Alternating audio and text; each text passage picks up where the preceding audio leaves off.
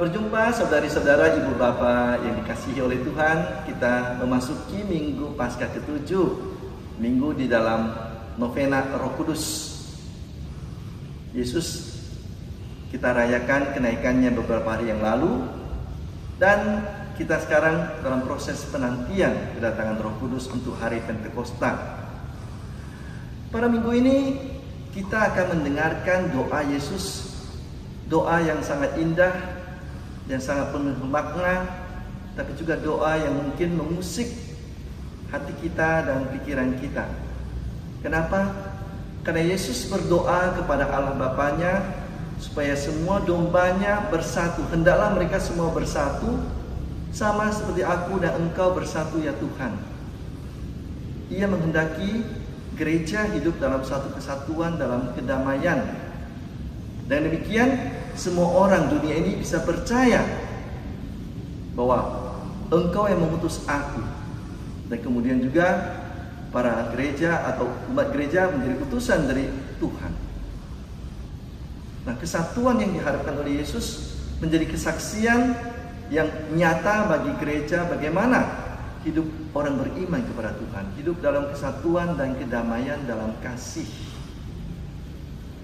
Tetapi benarkah gereja sekarang masa kini telah menghidupi doa Yesus tersebut? Kita harus mengakui dengan rendah hati, ternyata kita justru hidup terpisah.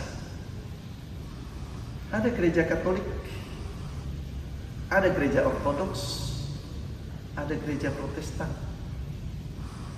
Dan dalam tiga gereja ini pun masih ada aliran-alirannya tersendiri. Katolik Ritus Romawi, Katolik Ritus Kaldea, Katolik Ritus Timur, Maronit, Ortodoks Rusia, Ortodoks Yunani, Ortodoks Katolik, dan jangan tanya lagi yang Protestan. Entah berapa puluh ribu gereja Protestan dengan nama masing-masing yang bisa kita lihat bahkan di tempat di mana kekristenan itu menonjol satu jalan itu bisa ada 4-5 gereja protestan dengan nama berbeda-beda. Jadi kita harus mengakui dengan rendah hati bahwa kita belum menghidupi kesatuan. Justru kita hidup dalam perpecahan keterpisahan satu sama lain.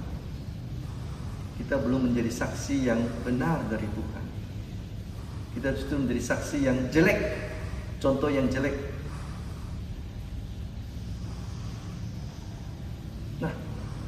Bagaimana kita mampu pelan-pelan memperbaiki kesatuan tersebut? Karena doa Yesus adalah doa yang harusnya diwujudkan, bukan suatu doa yang hampa sia-sia belaka.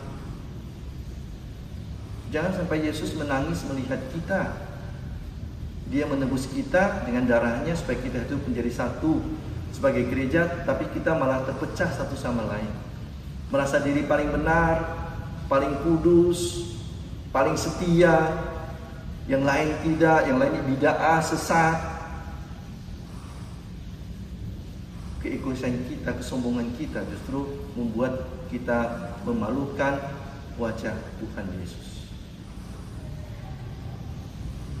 Kita lihat Paulus telah mengatakan dalam suratnya kepada umat di Korintus. Gereja itu terdiri berbagai bagian anggota tubuh yang berbeda-beda. Fungsinya. Tangan berbeda dengan kaki. Kaki berbeda dengan perut. Perut berbeda dengan mata, mata berbeda dengan telinga, mulut, hidung. Memang kita tidak bisa memaksakan semua orang seragam. Cara pikir juga tidak mungkin semua seragam. Iman boleh sama, keyakinan boleh sama, tetapi bagaimana menguraikan iman tersebut itu mempunyai kekayaan masing-masing, berbeda masing-masing, caranya masing-masing. Yang penting inti imannya itu yang harus satu. Cara perwujudannya bisa berbeda, karena setiap orang itu mempunyai keunikan masing-masing. Begitu juga kita tak bisa memaksakan bahwa semua orang harus seragam dengan kita atau mereka memaksa kita seragam dengan mereka. Nah di situlah perlu kerendahan hati untuk saling berdialog. Di situlah kita perlu terbuka kepada Roh Kudus yang kita tunggu kedatangannya hari-hari ini. Roh kesatuan yang mengajar kita untuk berbesar hati, untuk berdialog mencari yang terbaik, tidak memaksakan kehendak diri sendiri, tidak merasa diri yang paling benar, paling kudus, paling jujur, paling hebat. Kita juga mau mendengarkan dari pihak lain apa yang baik. Kita mau bekerja sama mencari yang terbaik sehingga kita sungguh-sungguh bisa menampakkan gereja yang satu kepada dunia supaya dunia percaya kepada kita. Nah, minggu ini juga adalah minggu komunikasi sedunia. Maka kita harus menggunakan sebaik mungkin alat-alat komunikasi, cara berkomunikasi yang baik untuk mewujudkan kembali kesatuan doa dari Yesus. Jadi saudari-saudara yang terkasih, kesatuan adalah cita-cita kita. Seperti Allah Bapa, Putra dan Roh Kudus bersatu dalam Allah Tritunggal, hendaklah kita juga sebagai umat gembala, sebagai domba semua hidup dalam kesatuan dengan Yesus gembala utama kita. Kita membuka hati kita dengan rendah hati untuk bekerja sama dengan yang lain. Kita membuka hati kepada Roh Kudus supaya membantu kita, menerangi kita untuk mencari jalan terbaik untuk mewujudkan kesatuan di antara kita, membuka dialog yang terbuka, yang mau menerima unsur-unsur yang baik, hal-hal yang baik dari orang lain dan tidak menjadi egois untuk merasa diri yang paling kudus, paling benar. Bahasa Indonesia menyebut orang lain sebagai saudara. Kata saudara dari dua kata bahasa Sanskerta, esa, esa, dan udara. Esa berarti satu, udara berarti rahim, perut. Jadi saudara ialah mereka yang datang dari perut yang sama, perut yang satu. Itulah saudara. Nah kita semua datang dari rahim Allah. Kasih Allah. Kasih yang mau berkorban.